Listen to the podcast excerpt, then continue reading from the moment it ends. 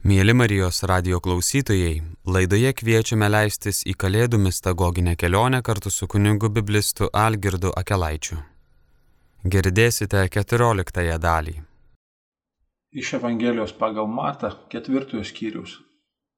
Išgirdęsgi, kad Jonas išduotas, nusišalino į Galilėją.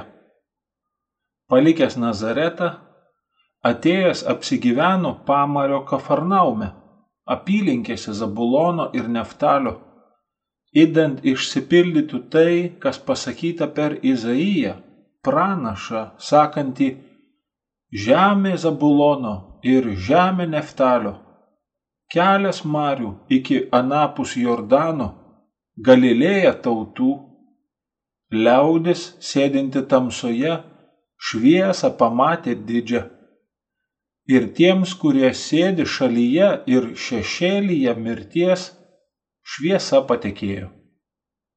Nuo tada pradėjo Jėzus skelbti ir sakyti, atsiverskite, yra priartėjusi mat karalystė dangų. Ir apėjo visoje Galilėjoje, mokydamas sinagogose jų ir skelbdamas Evangeliją karalystės, ir gydydamas kiekvieną lygą ir kiekvieną paliegimą liaudyje. Ir nuėjo garsas jo į visą Siriją ir atnešė prie jo visus bloguojančius įvairiomis lygomis ir kančių suimtus, ir demonų apsėstus, ir paralyžiuotus, ir pagydė juos. Ir sekė paskui jį minios gausios nuo Galilėjos iki Dekapolio ir Jeruzalės ir Judėjos ir Anapus Jordano. Šiandien liturgijoje mes susidurėme su tokiu bažnyčios elgesiu, kuris kartais tikinčiuosius šiek tiek, na, taip net siutina, kai jie bandydami lyginti šitas Evangelijos ištraukas, kurias mes skaitom liturgijoje, staiga pamato, kad bažnyčia savo leidžia šitas ištraukas karpyti. Ir šiandien at mes skaitome penkias eilutes iš ketvirtojo skyriaus nuo dvyliktos eilutės, o po to iškerpa liturgijoje visą gabalą apie mokinių pašaukimą ir galiausiai mes ateiname iki ketvirtos skyriaus 23 ir ten tris eilutės pasakoja Jėzaus tokį pirmąjį viešosios tarnystės apibendrinimą. Ir aišku, mes puikiai suprantam, kad na, su grožinė literatūra taip yra nesielgiama, kad mes negalim iškirpti kažkokio tai gabalo iš grožinės knygos, o Evangelijos ir kaip ir visas šventas raštas savo forma tikrai yra grožinė literatūra, yra pasakojimas.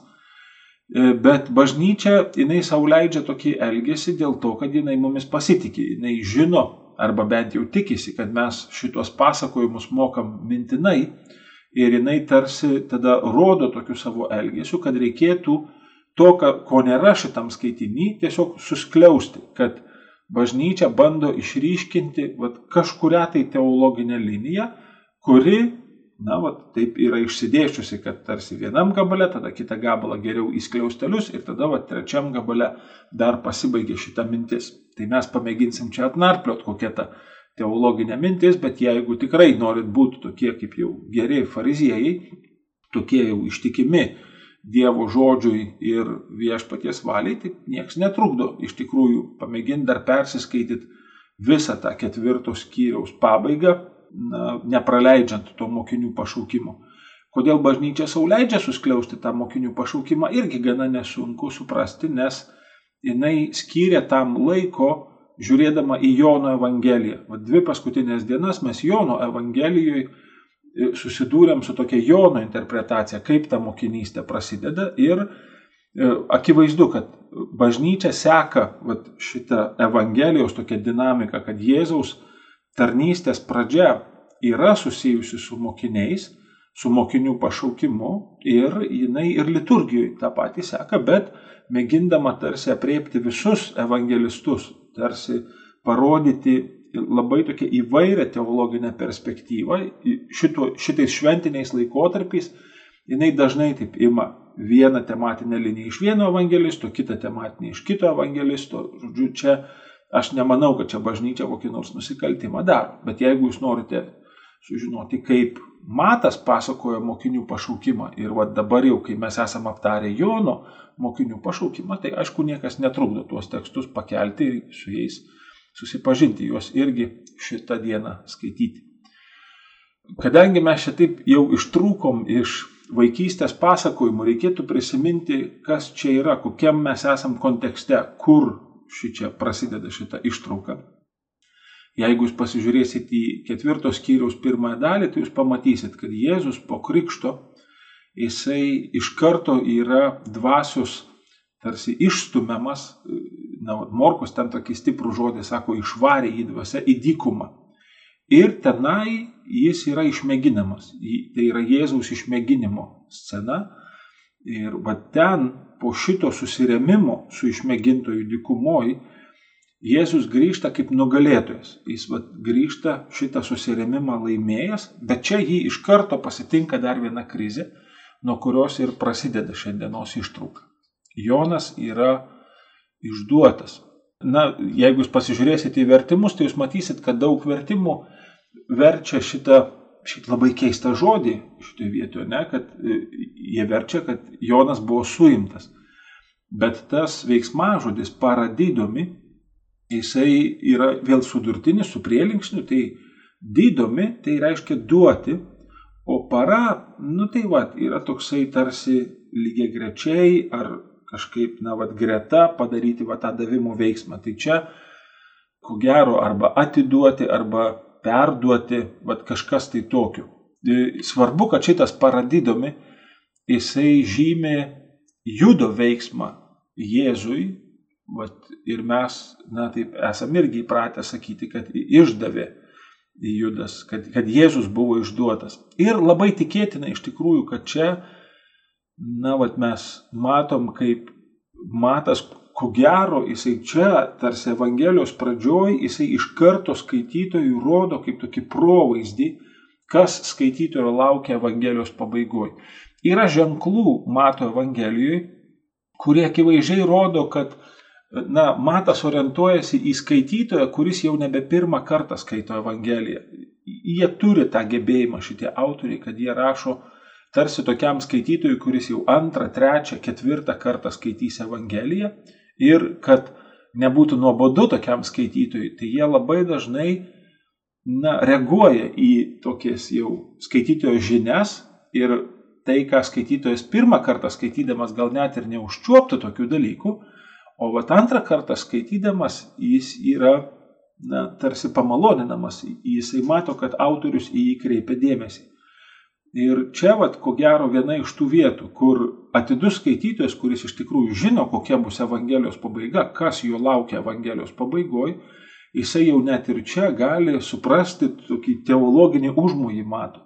Kad jisai rodydamas šitą pirmtaką, vat, Joną Krikštytoje, Ir tai, kad Jėzaus pergalė dykumoji vis tik tai aptemdo va, toksai smurto šešėlis, ne, kad Jonas vis dėlto yra išduotas ir skaitytojas žino, kaip baigsis Jonui šitas išdavimas, šitas suėmimas.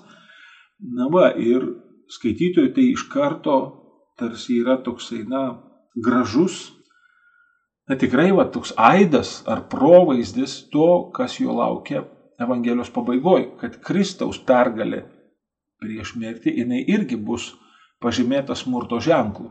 Ir čia skaitytojas jisai na, tarsi iš karto mato, kaip Jėzus nuo pat pradžių žengė šito savo misijos keliu, kaip jisai iš tikrųjų, na tada, vat, ką reiškia mokinių pasirinkimas tokiam kontekste, jeigu jau iš karto mūsų evangelistas perspėja, kad, na, vat, su Jėzumi bus šitaip ir ką tada reiškia mums, kurie ir mat, mes bažnyčia save laikom Jėzaus mokiniais, tai yra irgi toks, aš sakyčiau, labai sąžiningas perspėjimas, kokį mokytoją mes pasirinkom. Ir jeigu mokytojas yra toksai, tada, na, vad, koks bus mūsų mokinystės kelias.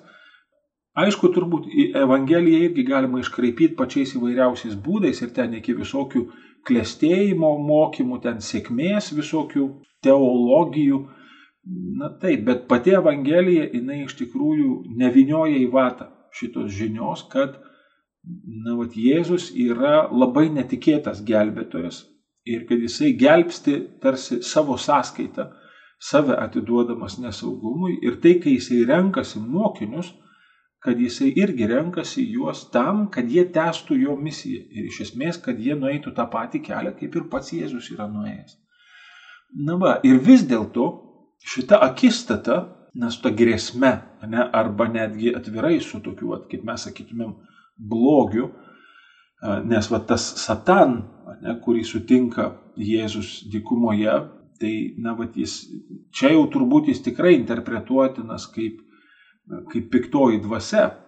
Na, va, jeigu Senajam testamente jis yra toksai labiau priešgina, toks da, Dievo tarsi prokuroras, Tai čia jau mes jį turėtumėm suprasti, kad jis iš tikrųjų mėgina na, sukliudyti Jėzui įvykdyti savo misiją, savo pašaukimą.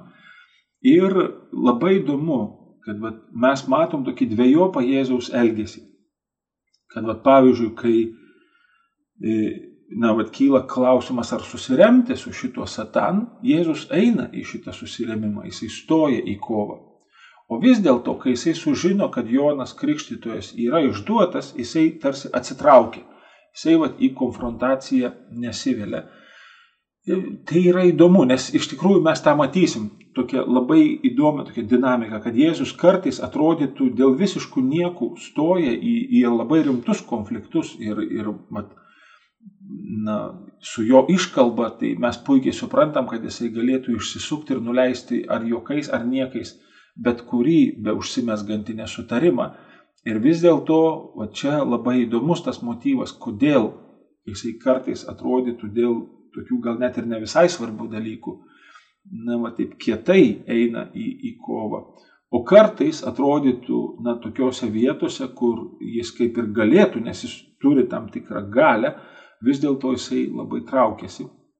Ir mes pastebim šitą patį dalyką ir tokiam dvasiniam gyvenime, Čia gali būti, kad net iš Evangelijos ta išvalga yra kilusi, kad ir dvasiniam gyvenime, na, va, tokio skirimo iš tikrųjų labai verta prašyti.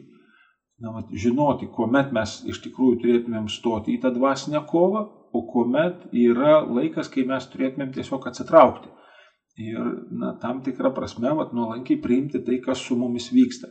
Nu, čia tikrai labai tokia įdomi dinamika ir čia verta netgi patyrinėti. Čia nebloga tema kokiam nors dvasinės teologijos bakalauratui. Ir čia, ko gero, labai reikšminga yra tai Mato Evangelijoje, todėl kad šitas Jėzaus atsitraukimas tampa Matui, na, vat, labai reikšmingų įvykių. Kad Matui iš karto tai yra tokia sąsaja, kad palauk, taigi čia pildosi mat, pranašystė iš Izaijo knygos 8 skyriaus pabaigos. Tai va tas Jėzus atsitraukimas į Galilėją, kadangi Matas tokį ypatingą dėmesį atkreipė į šitą įvykį, kur kitoj vietoje mes gal net ir kažkaip na, per daug čia nesureikšmintumėm tokio dalyko, vat krypties, vietos, į kurią Jėzus atsitraukė, o Matas tą labai detaliai išsako ir čia iš karto rašo mums penktąją pranašystę iš Senojo testamento, mat savo Evangelijoje, žodžiu, kuri išsipildo Jėzui atsitraukiant į Galilėją. Galilėja nuo Nazareto yra į šiaurę. Žodžiu, Nazaretas yra e, jau tokioj pietiniai Galilėjos daly, jeigu Galilėja tai yra tos tokios aukštikalnės, o Nazaretas yra tarsi paskutiniuose priekalniuose Jezreelio slėnio, žodžiu, jau tuose šlaituose, kur Galilėjos kalnynas pereina į Jezreelio slėnį. Ir kai Jėzus traukėsi į Galilėją, tai reiškia, kad jisai juda į šiaurę. Na va, tai čia įdomu, kodėl tai galėtų būti reikšminga.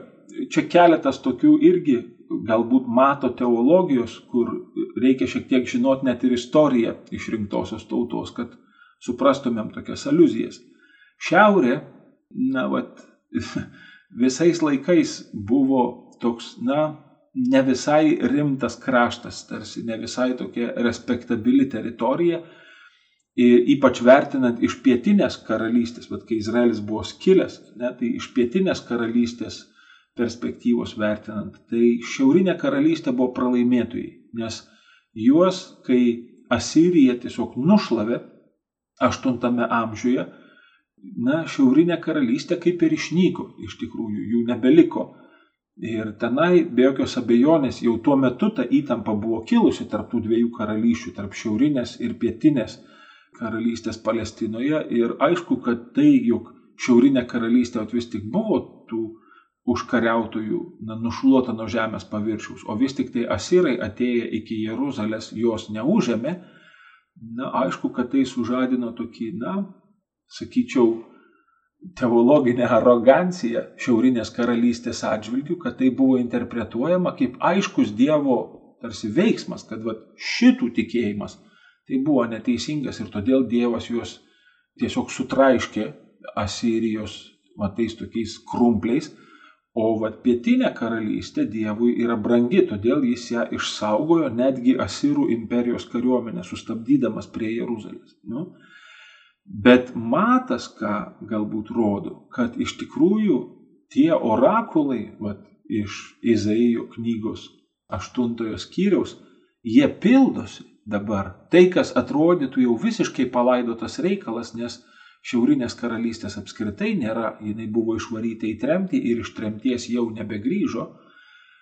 Vis tik tai matas rodo, jog Jėzuje pildosi šitie išgelbėjimo orakulai kuriuos mes vat, skaitom vat, apie Zabulono ir Naftalio žemę, kurios ir yra vat, ta Galilėjos teritorija, vat, į šiaurę nuo Nazareto. Mm. Kita vertus, dar daugiau netgi gali būti, kad tai, jog čia yra minimos tautos, matui tampa tokia irgi labai reikšminga gyja. Bet tokia reikšminga gyja jau jo Evangelijos atžvilgiu. Nes jeigu jūs pasižiūrėtumėt į Mato Evangelijos pačią pabaigą, 28 skyrių, tenai, kai Jėzus jau siunčia savo mokinius į misiją, ten, kur jau gimsta bažnyčia, Jėzus juos irgi siunčia, sakydamas, kad visoms tautoms turi būti paskelbta Evangelija. Ir va čia gali būti, kad Matas irgi rodo Jėzų kaip tokį, na, va, tarsi pirmąjį Evangelijos, na, tokį skleidimo, tos misijos žingsnį, kuriai va šitą misiją vėliau Jėzaus siunčiama perims bažnyčia. Ir galiausiai, na, vat, jeigu taip pasižiūrėtumėm į pirmąją pranašystę, kurią mes su jumis irgi čia liturginiuose skaitiniuose skaitėm, tai buvo Emanuelio pranašystė apie Dievą, apie tą išrinktąjį Dievo, kurio vardas bus Emanuel, Dievas yra su mumis.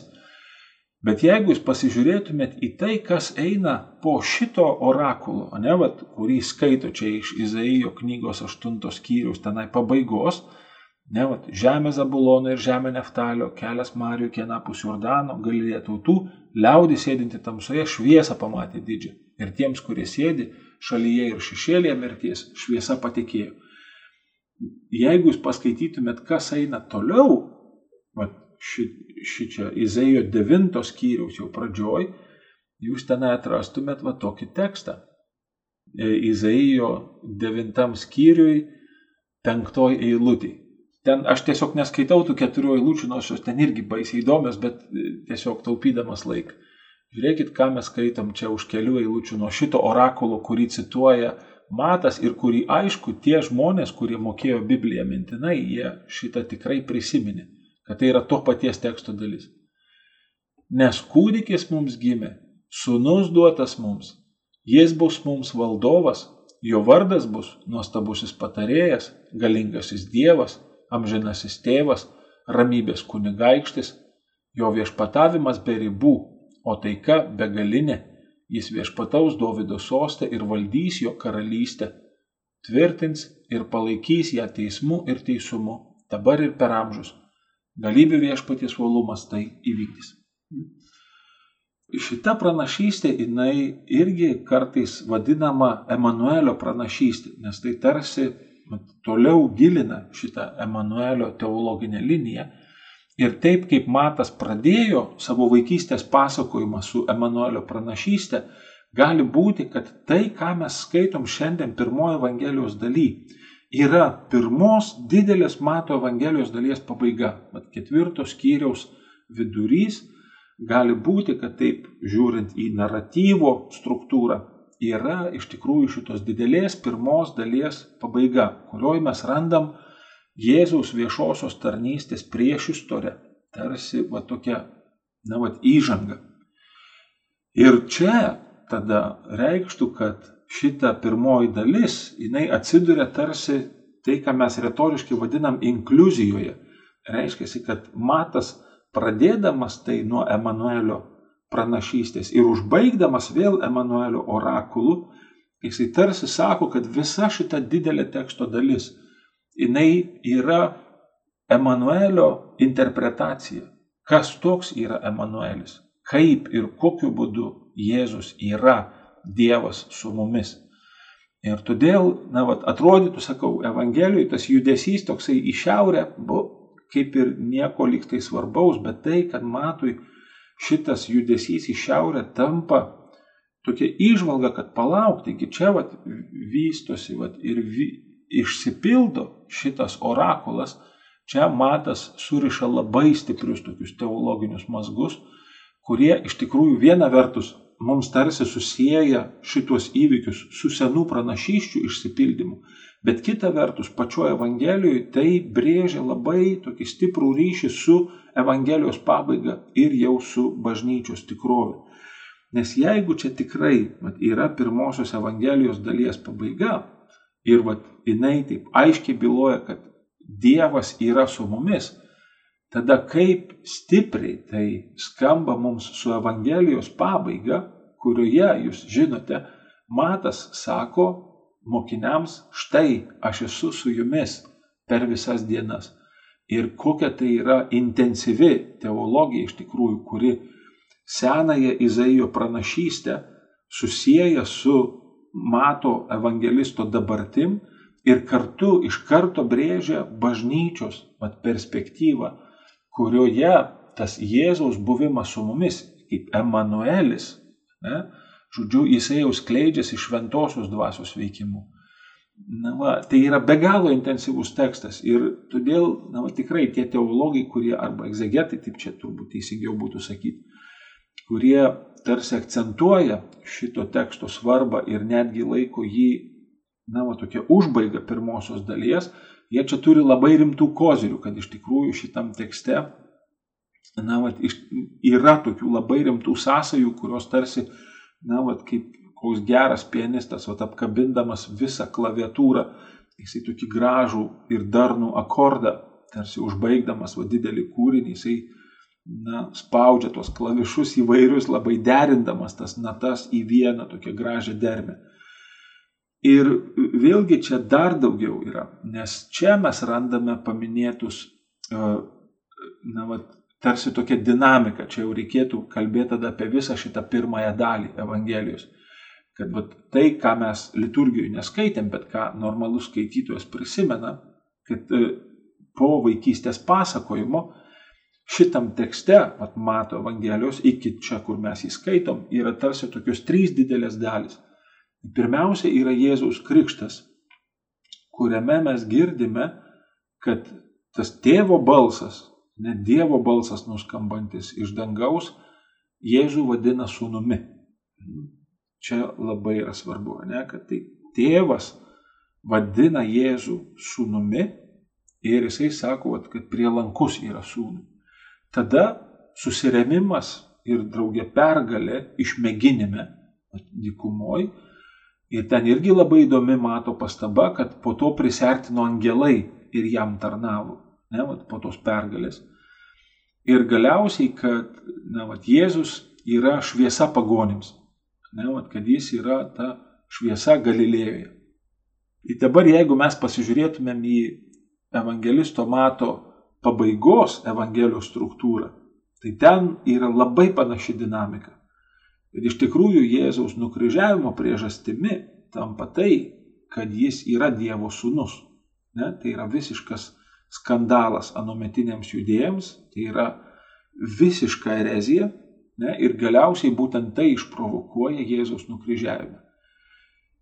Jėzus ant kryžiaus iš tikrųjų yra išmėginamas tris kartus. Jam tris kartus yra sakoma gelbėk save. Ne atsiduok tėvo valiai, o vis dėlto gelbėk save pats. Ir čia labai įdomu, kad Jėzus iš tikrųjų vis dėlto atlaiko šitą išmėginimą ant kryžiaus, taip kaip jisai sakė ir Getsemaniai, te būna ne mano, bet tavo valia. Ir galiausiai po jo pergalės prisikėlime mes vėl tenai matom angelus. Ne? Panašiai kaip ir dykumoji po šito susiremimo ir pergalės tenai buvo angelai. Ir kad galiausiai taip kaip čia, vat, pirmos dalies pabaigoje, Jėzus yra vat, na, šviesa pagonims Galilėjai, taip tenai Evangelijos pabaigoje Jėzus iš tikrųjų kviečia savo mokinius grįžti į Galilėją ne, ir tenai jisai juos siunčia į misiją skelbti Evangelijos šviesą visoms tautoms, pagonims. Hm? Žodžiu, yra labai įdomu. Šitie, na, tokie tarsi tekstų sąšaukos Aišku, na čia galima apkaltinti ir tuos egzegetus, kad jie tarsi atsirankioja iš tų tekstų, bet man atrodo, kad taip žiūrint, na, teologiškai arba net ir liturgijos plotmėje, tai yra labai svarbu, kad atrodytų, na, va, tai, ką mes čia dabar liturgiškai pradedam, va, kalėdų metas, iš tikrųjų bažnyčia, jinai kviečia tokiais tekstais iš karto mus grėžtis į Velykas. Nes tikrai Velykos yra esminis mūsų tikėjimo slėpinys ir bažnyčioje Velykos persmelkia kiekvieną reikšmingesnį įvykį. Visuomet, jeigu tenai pamėginsi vinioti tą teologinę gyją, tu vis tiek galiausiai atsiremsi į Kristaus kančios, mirties ir prisikėlimo įvykį. Nes nėra bažnyčios be šito įvykio ir tai, kad bažnyčia švenčia Kalėdas, visuomet reikš, kad mes net ir šituose slėpiniuose, kur atrodytų dar tik tai Jėzaus gyvenimo pradžia, mes jau iš karto vis tiek galiausiai ateisim iki to, kas toks yra Jėzus. Hmm? Ir čia jau Velykų slėpinys tiesiog atsiskleidžia visų savo svoriu. Na va, ir čia, tarsi vad užbaigus šitą pirmąją dalį 16 eilutėje, 17 eilutėje mes skaitom va, tą sakinį. Nuo tada pradėjo Jėzus skelbti ir sakyti. Tai va čia taip kaip mes Biblijos pradžioj skaitom, ne, pradžioje ne, Dievas sukūrė. Tada vat, Morkaus Evangelijos pradžioj irgi skaitoma, ne, kad pradžia Evangelijos. Ir dabar labai panašu, kad Matas čia irgi pradeda pagaliau dėstyti savo pasakojimą, sakydamas, kad vat, nuo tada Jėzus pradėjo. Ir šitie pirmieji Jėzaus veiksmai be jokios abejonės yra na, vat, kaip mes mėgstam sakyti, programiniai. Tai reiškia, kad matas labai atidžiai parenka šitos pirmosius veiksmus, nes jie charakterizuoja iš karto šitą veikėją. Jie pasako tai, kas jame yra svarbiausia. Čia kaip tokį, tokį juoką trupučiuką aš jums pasakysiu. Visi be jokios abejonės žinote Samsoną iš Biblijos. Nežinau, ar esate atkreipę dėmesį, bet čia irgi labai taip, gražu. Čia yra tokie na, naratyvo, tokie puošmenos kad e, Samsono pasakojime yra labai ilga įžanga, ten daugybė, daugybė dalykų susijęs su Samsono gimimu, su jo tenai tėvais ir taip toliau ir taip toliau. Ir galiausiai jau tas Samsonas, kuriam ten pasakyta, kad iš čia bus stiprus, čia jis nenugalės, kad iš čia, žinai, filistinams dėsi kelnes. ir pirmi Samsono žodžiai, žodžiu, Biblijai, kai Samsonas jau, tas visas galingas toks Samsonas ir pirmi jo žodžiai Biblijai Mačiau moterį. Na va, ir tai iš tikrųjų tai yra programinis dalykas. Va šitie autoriai, jie Biblijoje na, kartais mus stulbina tą ironiją, iš tikrųjų, kurią jie savo leidžia šitam šventam pasakojime. Iš tikrųjų šitas tvirtuolis, ne, už kurį ten stipresnio nelabai kas yra, jisai jau pačiais pirmais savo žodžiais iš karto brėžia savo likimą. Ne, Jisai pamatė moterį, nuo moters jisai ir pražus. Mm? Tai va, ir čia su Jėzumi yra labai panašiai, ne, kad vat, nuo tada pradėjo Jėzus. Ir mes suprantam, kad šitas pradėjo, tai reiškia, kad jau jo misija kaip ir apspręsta. Šita misija yra aiški ir jisai tą misiją dabar vat, pradeda vykdyti. Ne? Ir va čia tas programinis veiksmas, kad Jėzus yra skelbėjas. Tas veiksmažodis, va, keriuso, jis iš tikrųjų reiškia tokį tikrai skelbimą. Tai va čia skelbimo veiksmas, man atrodo, irgi tokia verta remarką trupučiuką padaryti, kad tai nėra kažkoks įtikinėjimo ar argumentavimo ar dar kažkoks tai veiksmas. Skelbti tai reiškia, kad mano žodis remiasi kito autoritetu ir aš net neturiu jums įrodinėti, vat, kad čia tas žodis teisingas, ar kad čia nu, jis vertas kažkokio pasitikėjimo ar dar kažko. Tai. Ne savo vardu kalbu, aš esu tik tai skelbėjas, o tas žodis, jisai yra paremtas autoritetu to, kuris yra mane siuntęs. Ir va čia bažnyčios tas skelbimas, kuris kartais irgi, na ten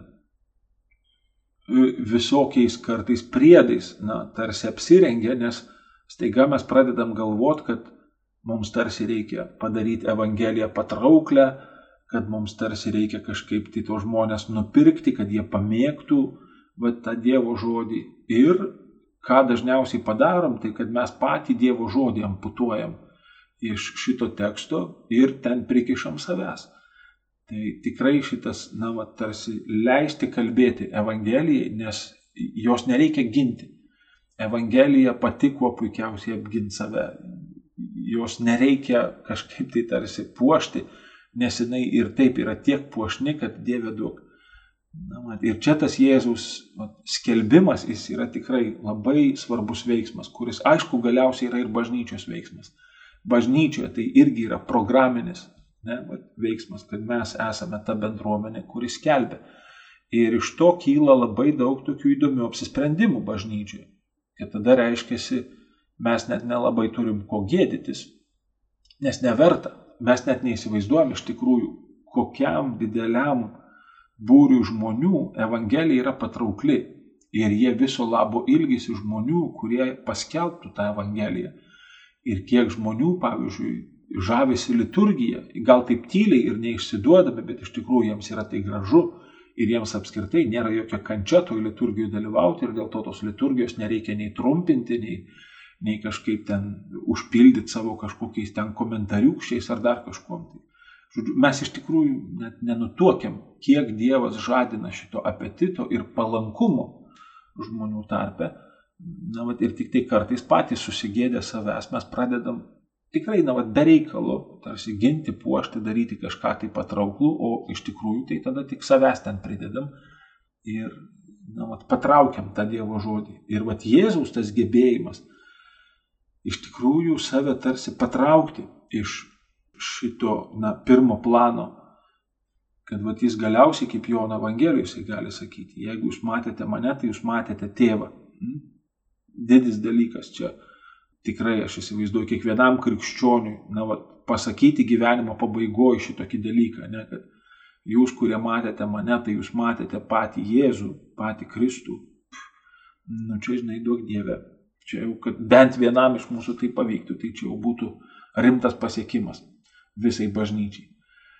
Na va, ir čia, e, jeigu tikrai taip vat, pasižiūrėtumėm į tą misijos pradžią, vėlgi verta atkreipti dėmesį, kad liturgija vėl iš naujo juda atbulinę eigą. Nes Jėzaus krikštas yra įvykęs jau dabar, kai mes skaitom šitą ketvirtą skyrių, o liturgijoje mes jį minėsime tik tai sekmadienį. Tai čia ir vėl mes tarsi tokiu evangelisto žvilgsniu žiūrim. Ir gali būti, kad bažnyčia tą daro sąmoningai. Kad bažnyčia mus stato tarsi tuos pirmuosius Jėzaus klausytojus, pirmuosius Jėzaus misijos adresatus, kurie irgi, pat mes, jeigu jūs paskaitysit plačiau tą ketvirtą skyrių visą, jūs pamatysit, kad ten minios yra nustebusios. Jie sako, iš, iš kur? Kokie galiais šitos dalykus daro? Kaip jisai taip sugeba pavaryti? Ne? Ir čia, man atrodo, gali būti labai irgi, kad e, liturgija tam tikrą prasme provokuoja Jėzaus mokinį, liturgijos dalyvį, tokiam pačiam klausimui. Ne, va, šiandien, pavyzdžiui, skaitoma, ne, kad Jėzus kelbė, kad Jėzus gydo. Ir tai labai provokuoja mūsų tokį elementarų klausimą, iš kur, iš kur visa tai. Ir vat, Evangelijos atsakymas yra labai aiškus. Tai yra iš krikšto. Žodžiu, Jėzaus krikštas Evangelijoje yra tikrai esminis įvykis. ten būtent mes taip, na ir teologiškai sakom, kad ten Jėzus pilnai priema tiesą apie save ir aišku, ten yra labai daug svarstymų, kada Jėzus suprato, kad jis yra Dievo sūnus, kaip jisai tą suprato. Ir vienas iš tokių rimtesnių teologinių na, teiginių, tokių hipotezių yra, kad būtent krikšto metu, kad Jėzaus krikšto metu, kai jam buvo apie 30 metų, va ten tame įvykyje jis ne tik tai supranta, bet ir patiria iš tikrųjų, kad jis yra Dievo sūnus unikaliu būdu. Ir iš to kyla jo misija, iš to kyla jo veikimas. Na, tai čia tai, ką mes Evangelijoje randam ir kas tarsi atbulinė įga mums rodoma liturgijoje, e, labai dažnai yra va, tokia bendra žmogiška patirtis, kad žmogus susidūręs su Kristumi jisai galiausiai tampa teologu, toksai žmogus. Nes jeigu jisai netmeta Kristaus ir kažkaip lieka ties to klausimu, tai, tai ką aš čia dabar patiriu, tai kas yra tas Jėzus, kuris veikia mano gyvenime, tai galiausiai toksai žmogus, jisai neišvengiamai taps teologu ir galiausiai jisai prieis iki to klausimo, o iš kur šitas Jėzus veikimas. Evangelija atsako iš krikšto. Ir tada aišku, kad toks skaitytojas, jisai visuomet ateis iki bažnyčios tikrovės ir tada klaus, o iš kur bažnyčios veikimo gale. Ir čia irgi prieis iki tokio labai aiškaus atsakymo iš Kristaus. Bet čia irgi dar svarbu Evangelijoje mato, ir čia irgi man atrodo labai svarbi paralelė, kad vis tik tai mato Evangelijoje pabaigoje Jėzus sako, krikštikite žmonės vardant tėvo, sunaus ir šventosios dvasios. Ir čia gali būti irgi vat, labai ta aiški paralelė tarp Jėzaus veikimo ir bažnyčios veikimo. Kad tai, kaip Jėzus išgyveno krikštą, tenai priimdamas pilną tiesą apie save ir iš tos tikrovės, iš to slėpinio kyla jo veikimas, taip ir mūsų krikštas yra be galo svarbus. Bet čia, aišku, čia mes ne sakramentinę teologiją su jumis aiškinamės, bet čia tikrai verta verta domėti savo krikštu ir netgi, mat, kaip sakydavo Juozapas Bastenas, tai netgi ir veikti savo krikštu, remtis savo krikštu, ypač tuomet, kai kovojam su piktuoju, iš tikrųjų sakyti savo krikšto gale, aš tau įsakau, traukis nuo manęs, aš tave surišu ir siunčiu visai amžinybė po Kristaus kryžiumi. Tikrai mes šitą galę turime ir tai yra mūsų krikšto gale. Tai labai turbūt tokia svarbi dinamika šitoj vat, liturgijai, kad ir mes būtumėm nustebinti šito Jėzaus veikimo ir tada klausdami, iš kur šitas Jėzaus veikimas ir atpažinę krikšto svarbą, patys tą iškilmę švesdami, iš tikrųjų švestume tenai ir mūsų kaip bažnyčios misijos versmę patį Kristaus asmenį, kuris su mumis veikia per visas dienas.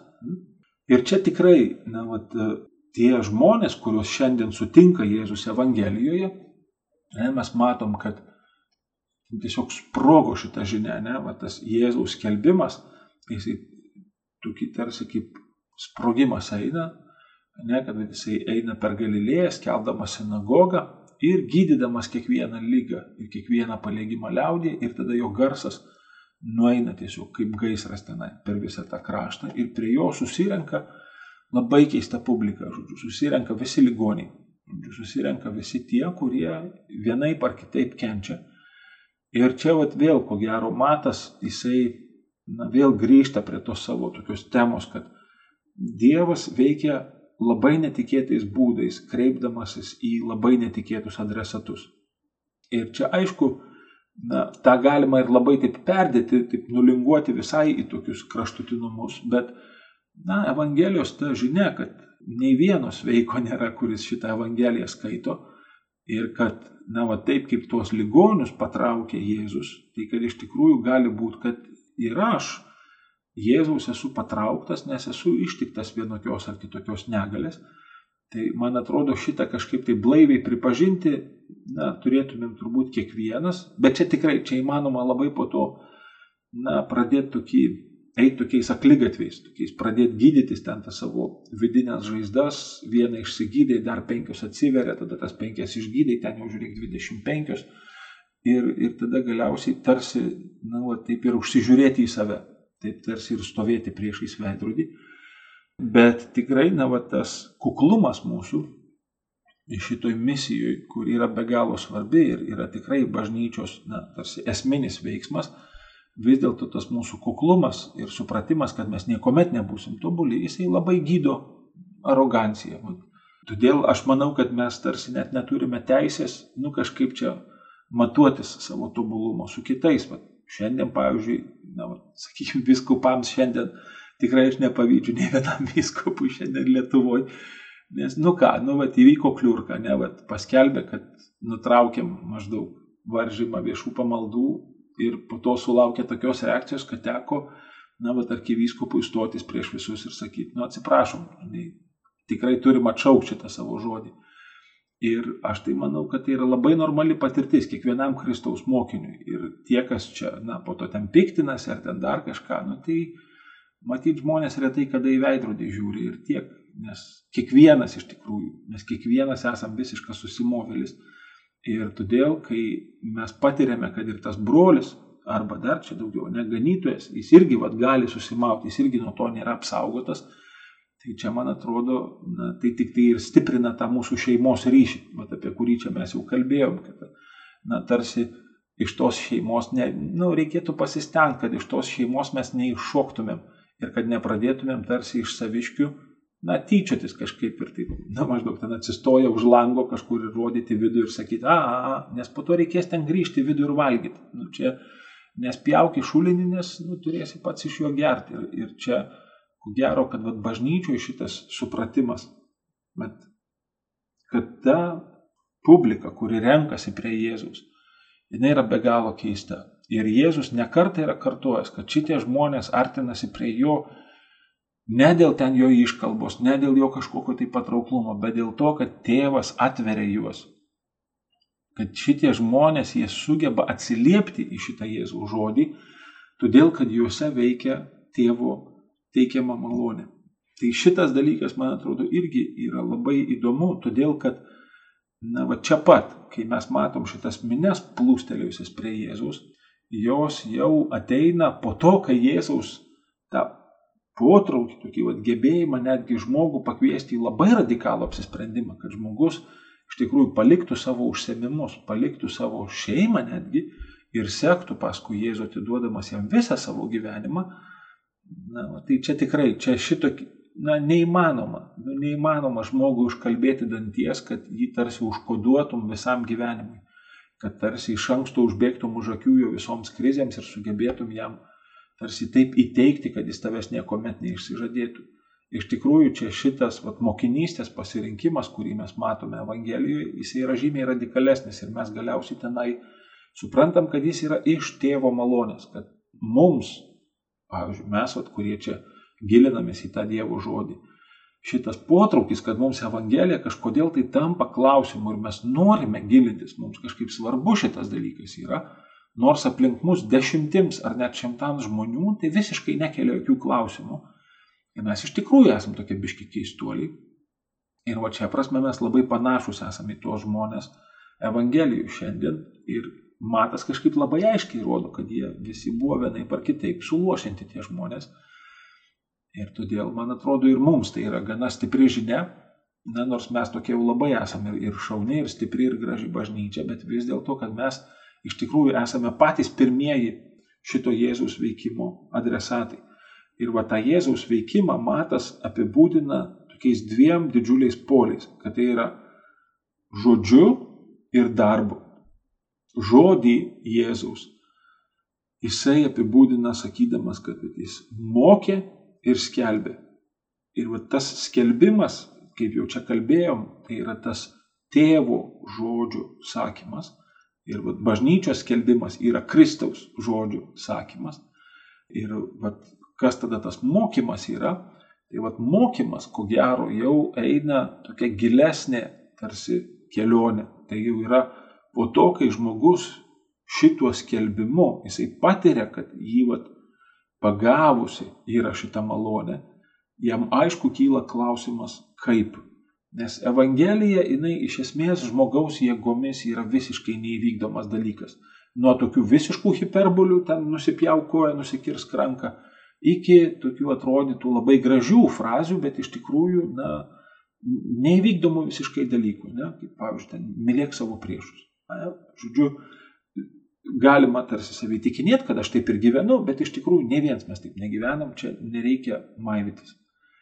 Na, va, ir tas mokymas, jisai aišku yra viena vertus ir toksai ūkdymas, reiškia, kad tai visuomet mus pranokstanti Evangelijos žinia, kur, kurią mes tarsi jau, kai jau pasiekėme tai, ką mes supratome ir ko tarsi anuo metu nevykdėme, bet dabar jau ūktelėjom, subrendom ir jau vykdome, ir staiga apsidairę matom, kad ta Evangelija vėl tarsi pasislinko aukščiau ir kad mes vėl tarsi turime siekti tolyn, va tai yra tas mokinystės kelias.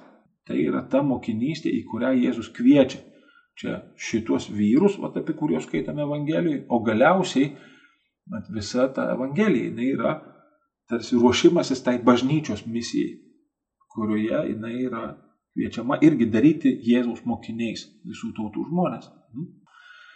Na va, ir čia tos minios, jos labai įdomios yra šitoj vietoj, nes jos viena vertus sekioja Jėzų iš tokių ten labai taip įdomi, ten ir iš pagoniškų tokių regionų, ir draugė iš tos pačios Galilėjos.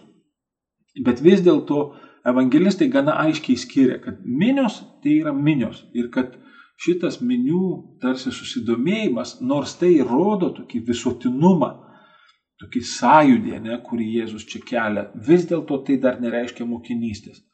Nes minioj labai panašu, kad minioj žmogus nelabai sugeba na, vat, atsiliepti tokiu vat, prieimimu ir pripažinimu to žodžio kaip tiesos. Ir mes ten matome Evangelijų, kad Jėzus vis nuolat paima ir ištraukia kokį žmogų iš tos minios.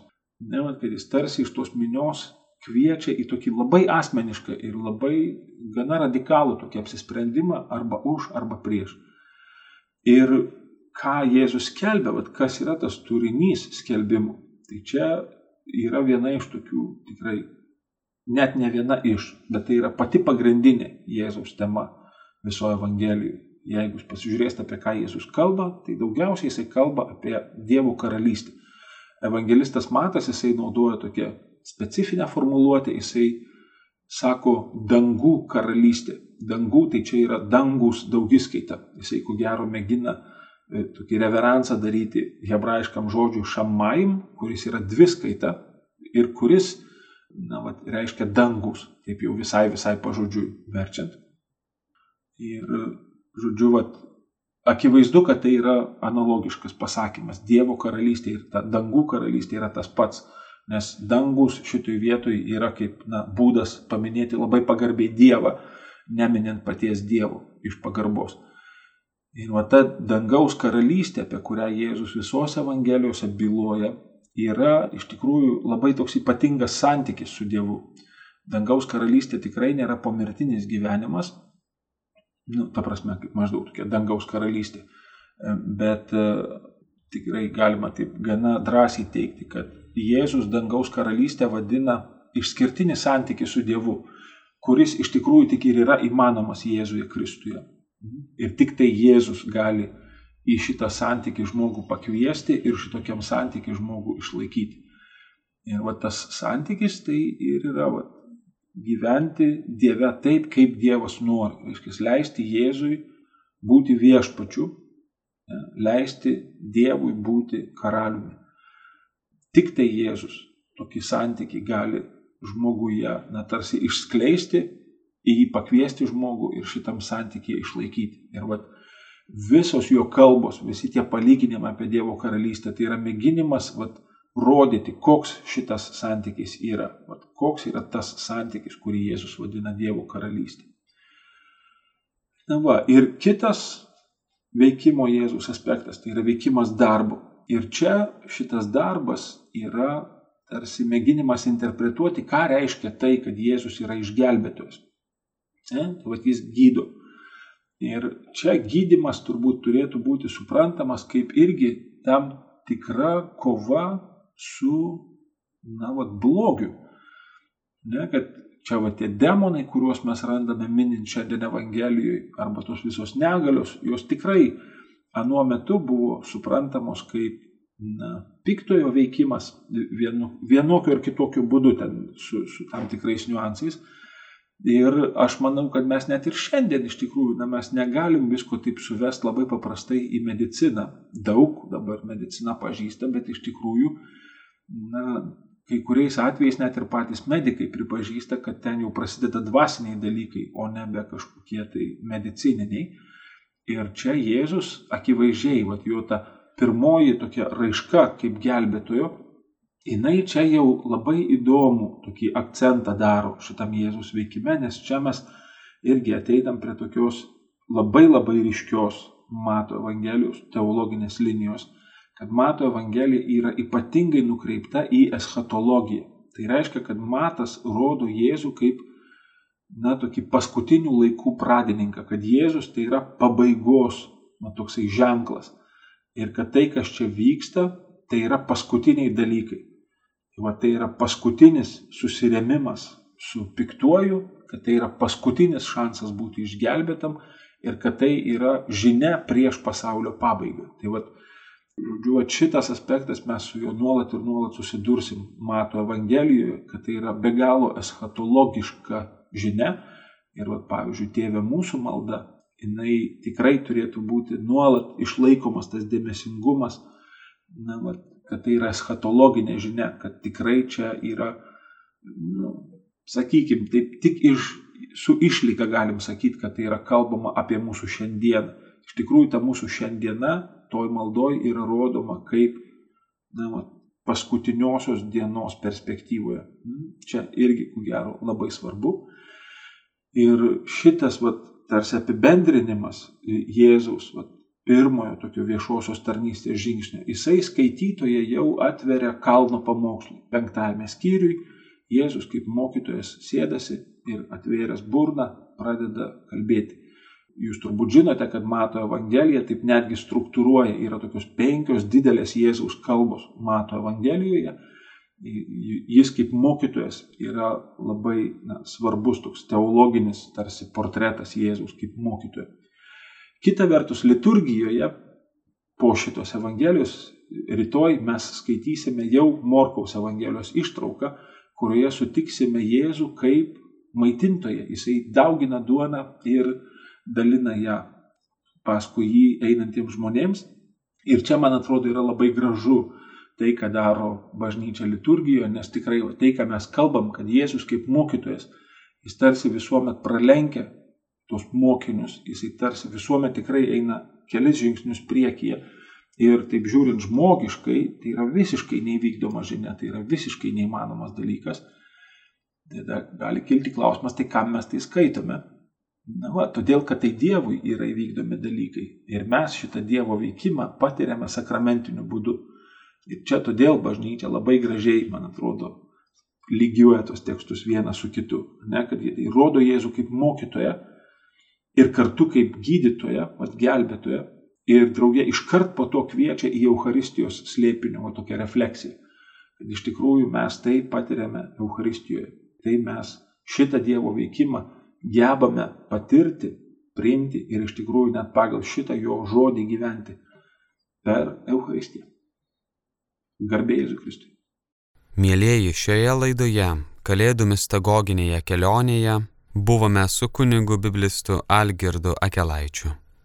Klausėmės 14 dalies. Likite su Marijos radiju.